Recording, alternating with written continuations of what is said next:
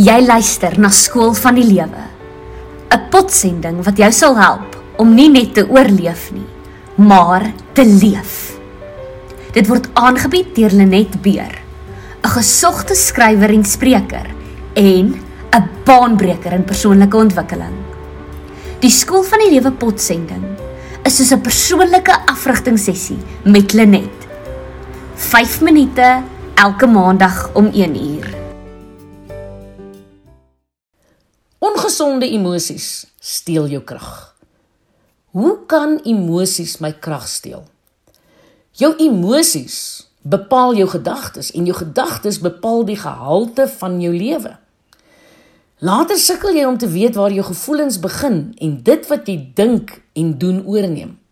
Nou dit verander in 'n morsige moeras van negativiteit en pyn.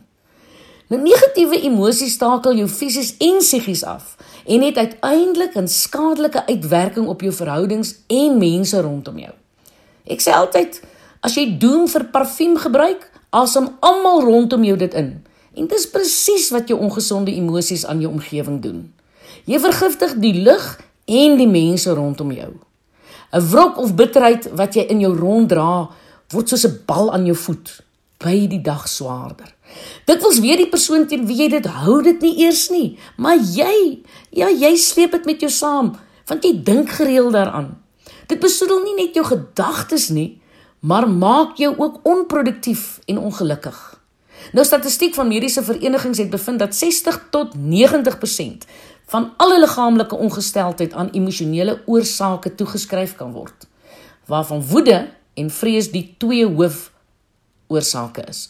Nou woede Die emosionele boelie kan die normale balans in jou liggaam versteur en die bloedvloei so beïnvloed dat jy hartkwale of maagseere kan opdoen. Maar het jy ooit daaraan gedink dat jou emosies jou kan lanseer? Ja.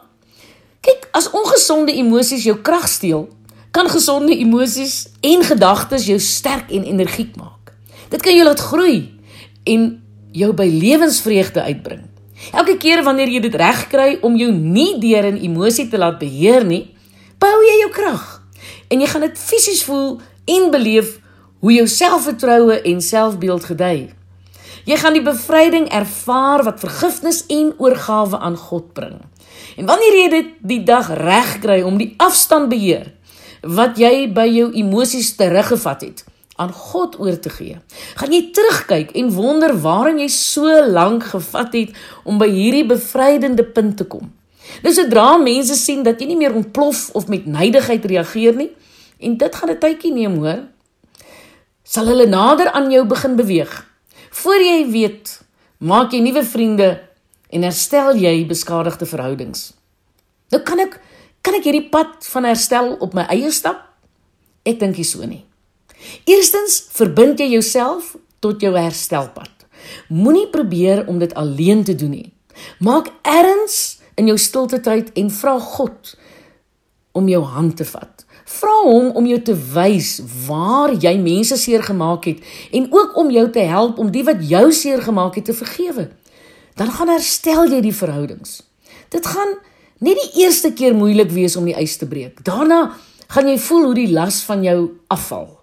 En as jy 'n vertroueling het met wie jy jou voorneme kan deel, kan dit jou geweldig help. Wees net versigtig vir mense wat sinies is oor jou vermoë om jou gedrag te verander.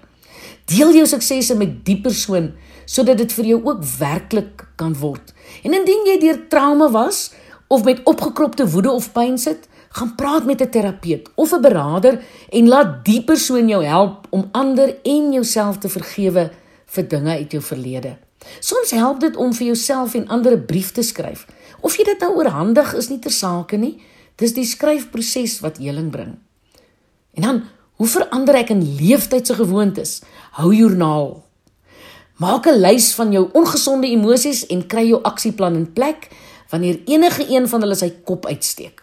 Kyk of jy 'n vervangende positiewe emosie teenoor elke negatiewe emosie kan neerpen. Dit hoef nie altyd die teenoorgestelde emosie te wees nie. Hou jou eie temperament in gedagte en kry net 'n ander onskadelike emosie in sy plek. Maak ook 'n lys van al die wapens in jou arsenaal waarmee jy die nuwe pad aandurf. Jou eie sterkpunte, jou waardes, goeie vriende wat jou help, suksesse uit jou verlede. Maak 'n lys, aksieplanne wat vir jou mantras kan word wanneer emosie of slegte gewoontes die oorhand kry soos hou jou skerp tong in toom en beledig al beledig iemand jou. Waak oor jou hart en moenie afbreekende dinge in jou gedagtes en gedrag toelaat nie. Tel tot by 10 en haal gereeld diep asem. Bid, praat met God heeldag.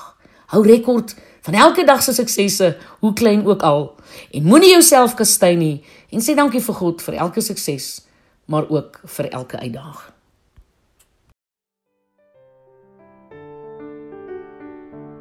Dankie dat jy geluister het na Skool van die Lewe. Jy kan volgende week weer saam luister na Lenet Beer, Maandag om 1uur. Om e-poskennisgewings van die Skool van die Lewe potsending te ontvang, klik op voelgoed.co.za. Skynstreep Skool van die Lewe.